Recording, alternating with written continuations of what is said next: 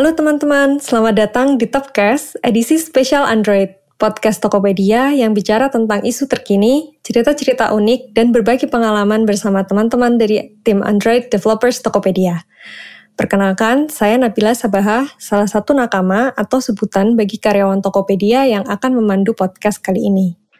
Inovasi adalah hal penting yang harus dilakukan untuk memberikan pengalaman terbaik bagi seluruh pengguna aplikasi Android Tokopedia. Salah satunya adalah dengan memastikan seluruh sistem pada aplikasi berjalan dengan lancar dan menghindari kemungkinan error yang terjadi. Sebagai Android developers, tentu kita sudah familiar dengan istilah crash atau exception pada aplikasi Android yang tidak ditangani dengan tepat. Hal ini biasanya akan membuat pengguna keluar dari aplikasi secara tiba-tiba ketika sedang menggunakannya. Menangani crash pada aplikasi mobile tidaklah mudah, terutama karena aplikasi mobile tidak didesain untuk memiliki kapabilitas fix on the fly, seperti development pada website. Dalam web development, suatu fatal error dapat segera ditangani dengan melakukan deployment secara real-time, sedangkan pada aplikasi mobile, prosesnya jauh lebih panjang. Kita harus membuat hotfix, lalu membuat app bundle, setelah itu rilis aplikasi ke Google Play Store, dan yang terakhir, menunggu user untuk memperbarui aplikasi ke versi terbaru. Berangkat dari permasalahan ini, tim Android Tokopedia berinovasi membuat sistem untuk mengurangi dampak resiko crash pada aplikasi Android Tokopedia. Dengan recovery time dan waktu pemulihan yang sesingkat-singkatnya tanpa melalui proses rilis aplikasi di Play Store. Untuk mengetahui lebih detail bagaimana implementasi mitigasi resiko yang dilakukan oleh tim Android Tokopedia dalam menangani crash dan masalah lainnya, sekarang saya sudah bersama Mas Henry Priyono selaku Principal Engineer Android Tokopedia. Hai Mas Henry, apa kabar? Halo Nabila dan teman-teman semua, kabar baik, sehat, luar biasa. Wah, oke semangat ya. Jadi semoga selalu dalam keadaan sehat. Selamat datang juga dan terima kasih sudah berkenan hadir secara virtual untuk diskusi di podcast spesial Android episode 3 ini. Terima kasih juga udah berkenan mengundang saya di Topcast episode 3. Oke, okay. nah sebelum membahas lebih lanjut, mungkin saya mau bertanya dulu ya ke Mas Henry nih. Sebenarnya apa sih Mas yang dulu biasanya kita lakukan kalau ada isu crash atau masalah di suatu halaman di aplikasi Android Tokopedia? Nah, jadi dulu nih sebelum adanya teleporter yang kita buat ini, ketika kita ngalamin suatu crash di Android application kita, biasanya yang bisa kita lakukan itu cukup terbatas. Yang pertama itu mungkin kita hentikan stage rollout-nya. Nah, jadi di Tokopedia Android itu kita pakai sistem stage rollout namanya. Stage rollout ini adalah kita tidak serta-merta merilis apps kita ke 100% user di luar sana, tapi kita bertahap tuh, kita rilis dulu ke sebagian, ke 5%, kemudian ke 10%, 20%, dan seterusnya. Tujuannya supaya ketika kita baru merilis apps ini ke sebagian kecil user, misalkan satu persen atau lima persen, lalu ada isu yang ditemukan, ya udah kita bisa langsung cut di situ, kita hentikan stage rolloutnya, lalu kita perbaiki di situ. Jadi misalkan uh, ketika rollout itu 5%, lalu tiba-tiba ada um, kejadian crash di suatu halaman kita, dan halaman itu mungkin cukup fatal karena menyangkut uh, buyer journey di Tokopedia untuk membeli suatu produk. Misalkan di halaman transaction atau mungkin di payment atau checkout semacam itu. Kemudian yang kita lakukan adalah kita mengkat jadi kita nggak merilis itu ke lebih banyak user lagi. Lalu kita coba buat uh, hotfixnya istilahnya. Nah untuk membuat hotfix ini tentu saja uh, lumayan makan waktu juga karena developer harus menginvestigasi terlebih dahulu uh, sebenarnya akar masalahnya itu di mana, lalu kemudian mendeploy fixnya, lalu di code review dulu dan sebagainya, dan prosesnya itu lumayan panjang. Dan selama proses itu ya crash akan terus berjalan, user di luar sana akan terus mengalami dan mereka para buyer tidak bisa membeli produk di Tokopedia jadinya karena terkendala di rantai halaman untuk membeli suatu produk itu. Oke, okay.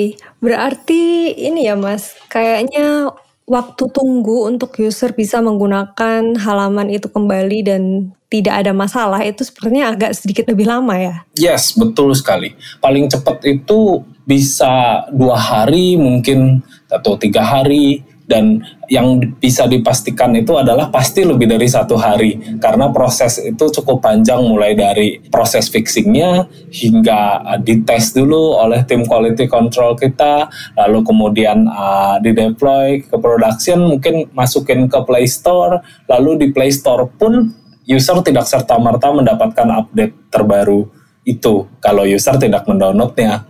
Jadi um, kita pun setelah memasukkan itu ke Play Store, update hotfix yang terbarunya, user pun belum tentu uh, mendownload itu dan jika user tidak mendownload uh, update terbaru kita, tentu saja di aplikasi dia tidak akan terfix. Tetap aja crash itu terjadi. Di situlah akar masalahnya sebenarnya.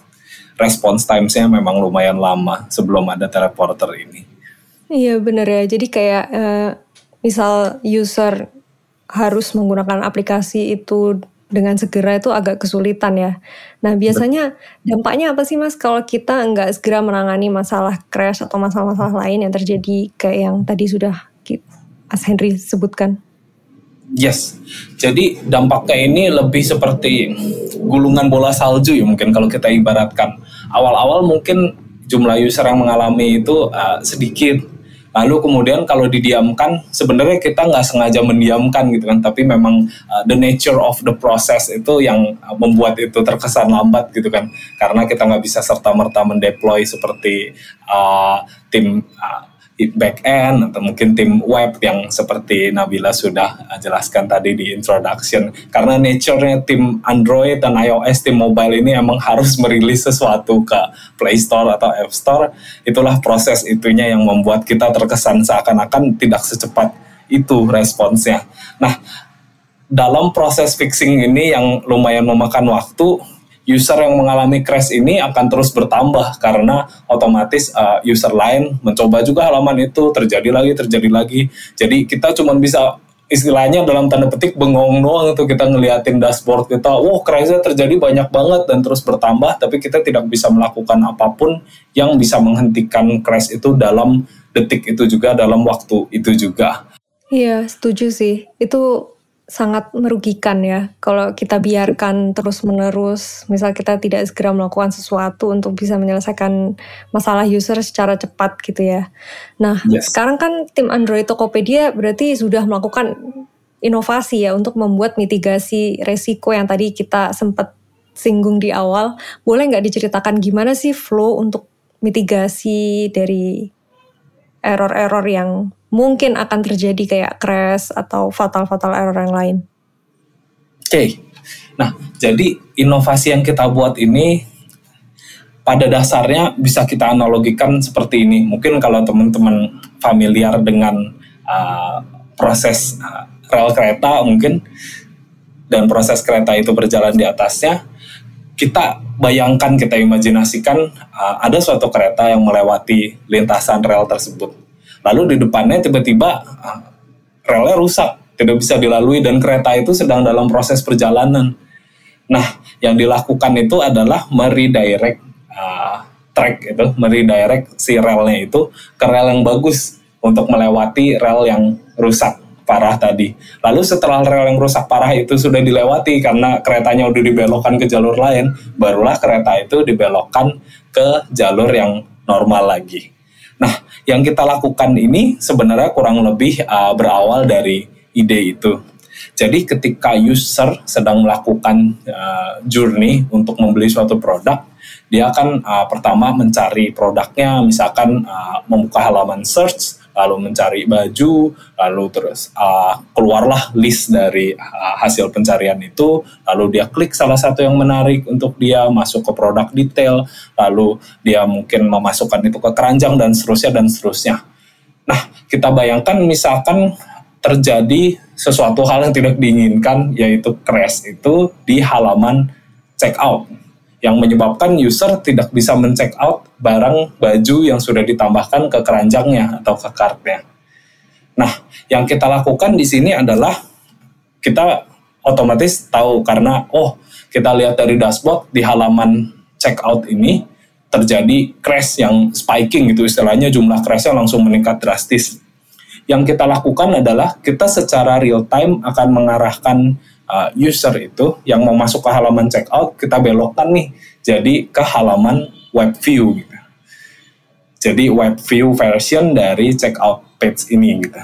Nah lalu user bisa uh, melanjutkan transaksinya di halaman web view tersebut tanpa terganggu dan kemudian dari web view itu dia bisa kembali lagi ke halaman uh, native-nya kita. Misalkan yang rusak tadi halaman checkout aja, lalu halaman payment udah benar. Nah, jadi dari halaman checkout yang web view tadi, otomatis bisa balik lagi ke native page-nya kita untuk melanjutkan payment dan seterusnya. Kurang lebih seperti itu sih. Berarti nah, sedikit magic ya, Mas? Magic. Yes, betul. Jadi kayak habis dari pindah dari native kita pindahkan user ke web view habis itu balik lagi dia ke native gitu ya. Betul. Karena ada magic-magicnya nih istilahnya. Jadilah hmm. kita namainnya nama yang cukup magic juga nih. Kita namakan ini teleporter gitu istilahnya. Waduh, teleporter. Kenapa namanya bisa teleporter gitu ya? Nah, kenapa dinamakan teleporter? Karena kita merasa ini tuh bisa teleport gitu jadi tadinya user ada di native, ada di halaman uh, Android apps kita, tiba-tiba dia bisa kelempar atau dalam tanda petik ke teleport ke web view gitu, ke halaman web. Lalu kemudian setelah dia melewati halaman yang bermasalah tadi, dia bisa ke teleport balik lagi langsung otomatis ke uh, native page-nya kita. Nah, mungkin uh, kalau sekedar uh, redirection doang uh, mungkin ya itu udah umum banget lah ya kayak misalkan oh ini kan berarti cuma redirect dari satu halaman ke halaman uh, lain aja gitu kan.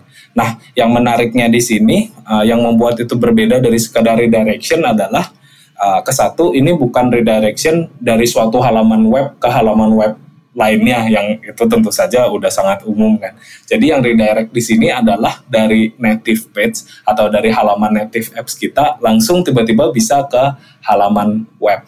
Lalu kemudian dari web itu dia bisa otomatis redirect lagi ke halaman uh, native kita. Nah, di situlah challenge ya, bagaimana kita bisa men uh, includekan semua, menyertakan, mempassing segala data yang berkaitan supaya user journey tetap berjalan smooth. Salah satunya mungkin yang paling krusial adalah uh, user login data. Jadi dia ada user session kan, dia kondisi ketika di native page kita dalam keadaan login, ketika kita pindah ke web view itu tetap harus dalam keadaan login kan, meneruskan sesi loginnya kita. Lalu kembali lagi ke halaman native kita pun tetap uh, sesi loginnya itu dan data usernya harus tetap ke bawah lagi. Di situlah challenge-nya. Kenapa teleporter ini lumayan unik. Gitu. Oh iya, setuju setuju. Kalau misal nih, tadi kan kita udah bahas tentang uh, gimana dia proses perpindahan dari native ke web view ya. Nah sebenarnya untuk secara detailnya sendiri implementasinya si teleporter tuh seperti apa sih mas? Sebenarnya yang kita pakai itu uh, apa teknologi yang kita pakai gitu? Oke, okay. untuk teknologi yang kita pakai sebenarnya kalau kita uh, simplify itu sebenarnya hanya uh, menggunakan uh, suatu configuration bentuknya JSON. Nah, di dalam JSON ini isinya adalah mapping dari setiap app link yang kita pakai ke uh, halaman web view itu URL dari uh, web view yang mau kita tuju. Nah, app link ini uh, adalah uh, mekanisme mungkin kalau istilah sebutan umumnya deep link gitu ya mekanisme yang kita gunakan untuk uh, bernavigasi di uh, seluruh halaman yang ada di Android apps kita. Jadi misalkan kita mau pindah ke halaman search atau ke halaman produk detail, itu semua kita pakai app link dan di manage secara centralized di dalam code kita. Jadi kita tinggal memasukkan uh, app linknya itu atau di link istilahnya, otomatis nanti langsung diarahkan ke halaman native yang bersangkutan. Nah, app link itulah yang kita mapping ke uh, web view counterpartnya. Misalkan di halaman checkout, berarti data JSON-nya itu adalah uh, app link dari halaman checkout itu dimappingkan ke uh, URL dari uh, halaman web untuk check out. Kurang lebih uh, seperti itu sih. Dan menyertakan juga version apps kita nih. Karena kita tentu saja nggak mau dong kayak, oh seluruh version dari app kita dari mulai versi paling awal sampai ke yang terbaru, semua halaman checkoutnya itu jadi dalam tanda petik kelempar semuanya ke web view. Padahal yang bermasalah misalkan cuma di versi terbaru aja, misalkan 3.123 misalkan yang bermasalah. Nah dengan adanya data version ini, nanti sistemnya bisa secara otomatis mendetek, oh ini yang perlu dilempar ke web view itu hanya halaman checkout di versi 3.123 kurang lebih begitu format datanya di dalam JSON. Nah, JSON ini kita taruhlah di suatu remote configuration server. Dan apps Android kita ini secara berkala dia akan nge-get data dari remote configuration server itu untuk mengupdate uh, data JSON-nya jadi yang paling baru. Jadi misalkan contoh kasus uh, kita menemukan crash tadi kan di halaman checkout kita lihat di dashboard kita oh ini spiking crashnya. Lalu yang perlu kita lakukan cukup kita tinggal mengedit uh, JSON ini yang ada di remote configuration server kita dengan uh, mapping yang tadi itu yang dari halaman checkout app linknya ke web view-nya uh, checkout lalu masukkan versionnya. Lalu kita push ke server kita otomatis uh, as soon as data JSON di server itu terupdate apps-apps di luar sana seluruh apps Android Tokopedia ini akan uh, mengget fetching data secara berkala dari uh, server itu dan dia akan tahu nih ketika dia itu uh, mau masuk ke halaman checkout dengan app link tadi dia otomatis membaca oh ternyata ini ditemukan di JSON mappingnya ini bahwa ini harus dilempar ke web view. Nah jadilah langsung otomatis instead of kita masuk ke dalam uh, halaman checkout native yang sedang bermasalah kita langsung diarahkan ke halaman web view-nya secara seamless. Gitu kurang lebih implementasi. Hmm. Wah seru ya. Kayaknya jadi tadi kita udah dengerin ada uh, setup untuk version. Nah, tapi pertanyaannya apakah hanya version aja? Kayaknya enggak ya. Nah, kalau misal ada user nih mas, uh, mengalami crash tapi hanya untuk di brand handphone tertentu. Nah, itu apakah juga bisa kita handle dengan uh, teleporter ini? Yes, ini pertanyaan yang bagus banget. Nah, jadi um, untungnya teleporter ini uh, ketika rilis uh, diminati oleh cukup banyak developer karena uh, ya mungkin merasakan juga manfaat dan kegunaannya dari teleporter ini dan bahkan uh, beberapa dari antara tim kita juga berniat untuk mengembangkan ini menjadi uh, sesuatu yang jauh lebih berguna lagi. Nah, berangkat dari hal itu, teleporter ini berevolusi nih jadinya karena kontribusi dari berbagai pihak. Kita punya teleporter version 2 dan sekarang yang terbaru itu udah version 3. Nah, di version yang terbaru ini, di version 3, kita udah memiliki banyak kapabilitas yang tadinya di version 1 itu tidak ada. Jadi di version 1 ini kita cuma bisa uh, menteleport suatu halaman native ke web view. Tapi di version 3 ini kita sudah bisa menteleport halaman native di Android apps kita ke mana pun, entah itu ke web view atau ke halaman native yang lain pun juga bisa. Jadi misalkan kita tiba-tiba um, tanpa sengaja misalkan uh, dari backend ngirim app link yang sebenarnya tidak valid lalu kita mau redirect itu ya udah ke homepage native kita aja itu juga bisa dilakukan dengan ini. Dan untuk uh, spesifik kita mau handle di device tertentu di version 3 ini pun udah bisa. Karena mappingnya itu bukan cuma sebatas version apps doang tapi juga mencakup uh, device model lalu juga uh, device type uh, device brandnya juga. Jadi misalkan uh, seperti kita tahu brand-brand HP di luar sana banyak kan, dan tiap brand itu dia punya uh, spesifik uh, tipe HP-nya itu. Misalkan uh, HP merek A, tipenya misalkan Z50 gitu kan. Nah itu kita bisa spesifik tuh. Jadi kita ini model uh, ya maksudnya model. Yes betul. Hmm. Jadi uh, brandnya misalkan brand A gitu, modelnya itu model Z50 gitu misalkan kan. Hmm. Nah, jadi kita bisa target spesifik tuh HP Z50 ini uh, adalah yang harus di teleport gitu, ke halaman checkout yang web view gitu misalkan. Karena misalkan kita menemukan oh ini kejadiannya cuma di HP spesifik itu aja gitu. Bahkan selain tipe HP kita pun bisa mentarget spesifik Android OS version misalkan oke okay, kita mau yang KitKat aja nih yang diteleport atau mungkin mau uh, Oreo aja itu pun juga sudah possible di version 3 ini. Gitu. Wah cukup komplit ternyata kita bisa uh, menghadapi berbagai masalah crash atau fatal error dengan teleporter dan kita set dengan kayak oh ini OS tertentu, oh ini brand uh, handphone tertentu yang mungkin crash gitu kan. Ternyata udah bisa juga nih lewat teleporter. Nah, berarti uh, implementasi yang sekarang untuk yang tadi Mas Henry udah jelasin ya berarti versi version ketiga gitu. Nah ini udah mencakup berbagai macam jenis use case atau crash yang kita punya atau enggak Mas? Oke. Okay.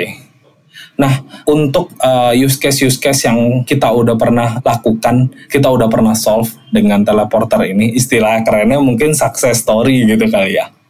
Nah, ini sangat banyak sih, lumayan banyak. Tapi mungkin saya akan ambil satu contoh aja yang uh, kira-kira ini bisa mewakili. Nah, jadi dalam contoh yang ini, waktu itu kita pernah kejadian kayak gini. Kita punya halaman uh, account, account page itu yang kalau teman-teman mungkin bisa akses di homepage Tokopedia lalu masuk ke halaman akun yang ada muncul akun saya gitu. Nah halaman itu baru kita revamp tuh ceritanya waktu itu. Jadi uh, sebelumnya kita punya halaman yang lama dan kita punya juga halaman yang baru new account page ini. Nah, karena uh, nature kita uh, emang nggak mau langsung perpindahan yang drastis, mungkin takut user nggak suka atau bagaimana gitu. Nah, jadilah kita pakai konsep yang sama kayak stage rollout tadi. Jadi kita pakai sistem A/B testing nih namanya mungkin. Jadi uh, kita uh, expose uh, new account page ini ke sebagian user dulu gitu di luar sana. Sebagian lagi itu masih dapat uh, halaman yang lama gitu. Nah, karena kita masih mesti keep dua-duanya nih, jadinya kita punya halaman yang lama plus yang baru di satu uh, apps yang sama. Untuk um, mengcover uh, istilahnya uh, use case ini, itu otomatis backend awal-awal uh, ngirim masih oke okay, ini masih appling yang lama, lalu kemudian gradually berubah oke okay, ini jadi yang baru, Nah, ketika kita udah 100% yakin bahwa yang baru inilah udah yang terbaik gitu, yang lama udah kita buang aja, itu biasa kita delete kan halaman akunnya itu yang lama dari code base Android Tokopedia kita. Setelah di delete, ternyata dari backend masih ada nih yang ngirim uh, app link halaman account yang lama. Terjadilah crash di situ karena halaman account yang lama udah tidak dikenali lagi, udah di delete dari code base kita. Untuk menghandle masalah itu, masuklah teleporter ini digunakan dalam use case itu. Jadi kita lakukan adalah mapping dari halaman akun yang lama ke halaman akun yang baru. Jadi ketika ada backend yang mungkin masih salah kirim app link nih, masih kirim app link halaman account yang lama, itu nggak masalah karena otomatis uh, ada dengan adanya teleporter ini itu akan otomatis terredirect ke app link yang baru. Dan yang muncul adalah halaman account yang baru. Gitu kurang lebih. Berarti ibaratnya kalau misal dari backend udah memberikan respons agar front end mengarahkan ke halaman natif tapi ternyata nggak ada, kita ibaratnya udah mitigasi ya kayak it's nggak ada halamannya, kita arahin ke yang bener aja kayak gitu ya mas? Betul sekali. Oke. Okay. Jadi dengan nah, itu bisa uh, tersolve ya. Oke. Okay. Ya sebenarnya kalau saya sendiri itu udah pernah sih mas pakai teleporter juga. Mungkin mas Henry juga mengingat waktu itu kita pernah uh, fix suatu masalah, tapi kali ini masalahnya di halaman pesawat ya. Ingat gak mas? Ya betul betul. Ah iya iya ingat. Mm -mm. Jadi di halaman pesawat kita ada sebuah konfigurasi yang kayaknya salah waktu kita akhirnya ngerilis fitur itu. Lalu pas uh, user masuk ke halaman itu tiba-tiba langsung crash. Terus kita langsung panik, kenapa nih, kenapa bisa crash gitu kan. Tapi kan udah banyak banget itu user waktu itu yang pakai. Terus kayak udah sampai tinggi banget pas kita monitor. Akhirnya, oh yaudah kita kayaknya coba deh pakai teleporter ya waktu itu. Pas ya, kita coba ganti uh, dan ternyata uh, beberapa selang beberapa jam kemudian tuh uh, crash yang tadinya naik tinggi banget terus akhirnya turun karena kita pindahin dari yang tadinya natif ke web view gitu ya biar lebih aman gitu ya mas. Ya betul sekali. Jadi ketika kita udah selesai um, mendeploy teleporter ini istilahnya kita kan juga pengen ini miserable gitu istilahnya kan uh, bisa terukur gitu. Nah jadi yang kita lakukan adalah ketika mendeploy ini kita memantau juga nih di dashboardnya untuk memastikan kan kayak ini bener nggak nih teleporter ini bekerja gitu. Jadi kita pantau kan waktu itu Bill kayak ini tuh crash yang tadinya mm -hmm. terus meningkat uh, jadi turun nggak nih? dan ternyata untungnya setelah kita deploy, uh beneran kita lihat di grafiknya langsung menurun drastis lagi gitu mendekati nol gitu kan setelah teleporter ini di deploy. Dan ya terus terang waktu itu uh, delightful moment banget sih buat kita kayak uh, karena kita figure out bahwa wah ini teleporter ternyata beneran bisa se efektif ini gitu, se impactful ini gitu bisa menyelamatkan uh, kita gitu menyelamatkan orang-orang yang mau membeli tiket pesawat gitu supaya uh, nggak jadi batal gitu kan. Jadi tetap beli tiket pesawat melalui halaman web view kita. Betul betul banget. Oke nah kalau kita lihat tadi kan success story-nya ada dua success story ya. Nah itu dampak lain itu ada nggak sih mas yang kita rasain? Kayak oh kita ternyata implement teleporter ini membawa banyak hal yang baik gitu buat tim Android? Ya, banyak sekali waktu itu selain di halaman flight ini dan di halaman account yang uh, tadi sempat udah dibahas. Kemudian waktu itu juga sempat di halaman produk detail juga ya untuk kasus yang Eh, mirip-mirip uh, serupa tapi tak sama. Karena halaman produk detail yang lama itu udah hilang tapi ditambah kasus lainnya juga sehingga uh, lebih parah juga dan itu bisa terselamatkan juga karena dengan kita mengoper istilahnya ke web view-nya. Dan ya karena halaman-halaman semacam produk detail dan flight itu adalah di buyer journey-nya Tokopedia istilahnya itu halaman yang krusial untuk user melakukan pembelian produk. Efeknya itu berasa banget ketika kita berhasil menyelamatkan itu gitu kan Bill. Karena ya revenue balik lagi revenue money money money. Kalau kita menyelamatkan money ya itu dampaknya sangat besar sih.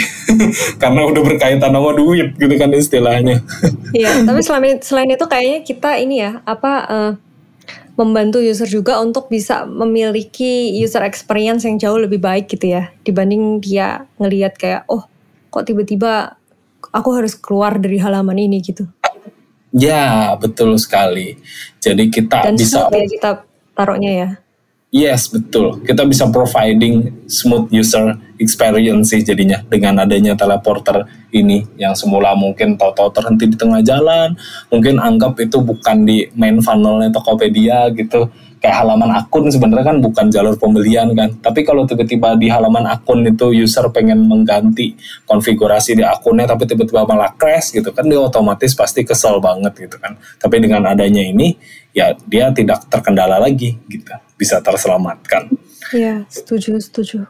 Oke, mungkin sekedar informasi. Jadi, inovasi yang dikerjakan oleh Mas Henry ini yaitu teleporter atau yang kita sebut sebagai mitigasi resiko crash dengan dynamic page route itu sudah didaftarkan ke defensive publication juga. Dan Mas Henry juga mendapatkan appreciation dari Tokopedia karena inovasi ini banyak membantu tim Android untuk mengurangi fatal error. Jadi aku jadi ini sih uh, penasaran juga sih Mas, gimana ya caranya mencari ide baru untuk berinovasi gitu. Jadi teleporter ini kan hadir karena adanya inovasi kan. Jadi kadang kan kita nggak kira gimana ya caranya bikin inovasi, apakah harus membuat sesuatu yang baru yang nggak ada di muka bumi ini gitu. Nah itu ada nggak sih kira-kira tips uh, dan trik dari Mas Henry mungkin yang bisa di, uh, diberikan kepada teman-teman di sini yang mungkin bingung juga menemukan ide baru untuk berinovasi itu gimana? Nah ini banyak banget kan dari kita, mungkin termasuk saya juga pada awal-awal mencoba berinovasi itu mikir apalagi sih yang belum ada di muka bumi ini? gitu kan. Kayaknya tuh semua udah ada gitu. Kita mau bikin ini udah ada. Mau bikin itu udah ada gitu. Gimana sih cara mencari ide yang benar-benar baru ini gitu sebenarnya? Di nah, muka bumi ini. Ya, ya ini pada awalnya lumayan challenging sih sebenarnya. Tapi ketika saya menemukan uh, konsep ini uh, untuk berinovasi ini, kita bayangkan aja um, ada dua hal yang udah ada gitu misalnya ada A dan ada B Nah kita cukup mengkombinasikan dua hal yang udah ada aja itu sebenarnya. Jadilah C gitu. C ini itu udahlah suatu inovasi, udah suatu hal yang baru. Contoh nyata gini deh, misalkan dengan Tokopedia. Tokopedia itu kan sebenarnya uh, marketplace kan sebutannya. Sebenarnya pasar kan, cuman pasarnya ini online gitu. Nah, jadi pada waktu Tokopedia berdiri itu kan pasar udah ada kan, pasar fisik gitu, kita ke pasar swalayan atau ke pasar induk dan sebagainya itu udah ada gitu yang ada penjualnya, ada pembelinya juga di situ. Nah, di waktu yang sama aplikasi online pun juga udah ada waktu itu. Internet juga kan udah ditemukan, orang-orang juga HP-nya udah mulai bisa pakai untuk uh, browsing-browsing gitu, mengakses internet. Jadi sesuatu yang dalam tanda petik online itu juga udah ada. Nah, Tokopedia ini menggabungkan pasar yang fisik tadi dengan online-nya ini jadilah pasar online, jadilah marketplace, jadilah Tokopedia. Udah, itu jadi sesuatu yang baru. Lalu kemudian kita lihat Gojek misalkan. Di Gojek ini pun eh, ojek pangkalan udah ada kan sebelum adanya Gojek. Berseliweran di mana-mana kalau kita misalkan naik bus gitu kita turun di halte busnya udah ada ojek pangkalan nungguin gitu kan kayak manggil ayo ayo sama saya aja mau nggak ke sini murah gitu kan berapa. Nah hal yang online pun juga di sisi lainnya itu udah ada juga seperti tadi gitu kan internet segala macam udah ada juga gitu. Digabungkanlah ojek ini dan online ini, jadilah ojol, ojek online. Jadilah suatu hal yang baru, jadilah inovasi. Jadi, kalau kita bingung, kita mau membuat apa yang baru, cukup kita gabungkan dua hal yang sudah ada aja di muka bumi ini. Kita gabungkan jadi satu, dan itu udah menghasilkan sesuatu yang baru, sesuatu yang unik kalau misalkan kita berkaca pada nature dari manusia itu sendiri, nature dari seluruh makhluk hidup yang ada di muka bumi ini, itu ada faktor genetik kan namanya. Faktor genetik itu istilahnya, misalkan uh, ada kedua orang tua kita, misalkan A dan B gitu, lalu uh, menikah, punya anak, lahirlah kita C gitu. Kita ini, si C ini, kalau dites DNA-nya, DNA kita itu unik. Tidak ada orang di muka bumi ini yang sebelumnya sebelum kita lahir punya DNA seperti kita. Dan DNA kita ini kenapa bisa seunik ini belum pernah ada di muka bumi ini hanyalah karena kombinasi dua hal yang udah ada di muka bumi ini yaitu orang tua kita dikombinasikan jadilah kita sesuatu hal yang baru. Jadi diri kita sendiri itu adalah inovasi, nggak usah jauh-jauh. Lahir di dunia itu udah inovasi sebenarnya, udah sesuatu yang baru.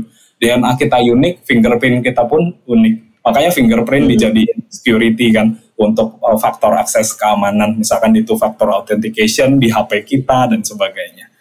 Gitu. Wow, itu contohnya banyak banget ya tadi ya. Kayak kita Mas Henry tadi ada contoh dari tentang Tokopedia, terus contoh yang lain yaitu Gojek, terus contoh yang lain genetik gitu ya. Yes. Jadi Kira-kira mungkin kita harus lebih observe yang ada di sekeliling kita ya untuk bisa membuat inovasi itu ya. Dan Betul. menggabungkan satu dengan yang lainnya. Yes, okay. lihatlah sekeliling kita maka kita akan menemukan banyak ide. Wow, oke. Okay. Banyak banget nih kayaknya informasi yang kita dapat ya termasuk tadi tips dan trik juga dari Mas Henry gitu. Dan banyak ilmu baru yang mungkin hari ini kita pelajari Uh, terima kasih banyak Mas Henry udah mau berbagi pengalaman pada Topcast Android episode kali ini. Sama-sama Nabila dan teman-teman. Iya, mungkin terakhir nih dari kita, apakah Mas Henry ada pesan tambahan atau pesan untuk teman-teman listeners di sini yang sekarang sedang mendengarkan podcast ini? Oke, mungkin pesan terakhir dari saya sebelum kita closing Top S ini adalah jika dari teman-teman ada yang lagi mengalami kesulitan menemukan ide seperti yang telah saya jelaskan tadi, sebenarnya kita nggak sulit untuk menemukan ide. Jadi tetaplah mencari ide itu, tetaplah menggabungkan dua hal yang udah ada, tetaplah berinovasi karena inovasi itu dibutuhkan oleh Indonesia dan oleh seluruh dunia untuk kemajuan umat manusia. Wow, oke. Okay. Semoga pesan tadi membantu ya untuk semua teman-teman listeners di sini. Saya Nabila, sampai jumpa di episode selanjutnya. Terima kasih Mas Henry. Bye. Bye.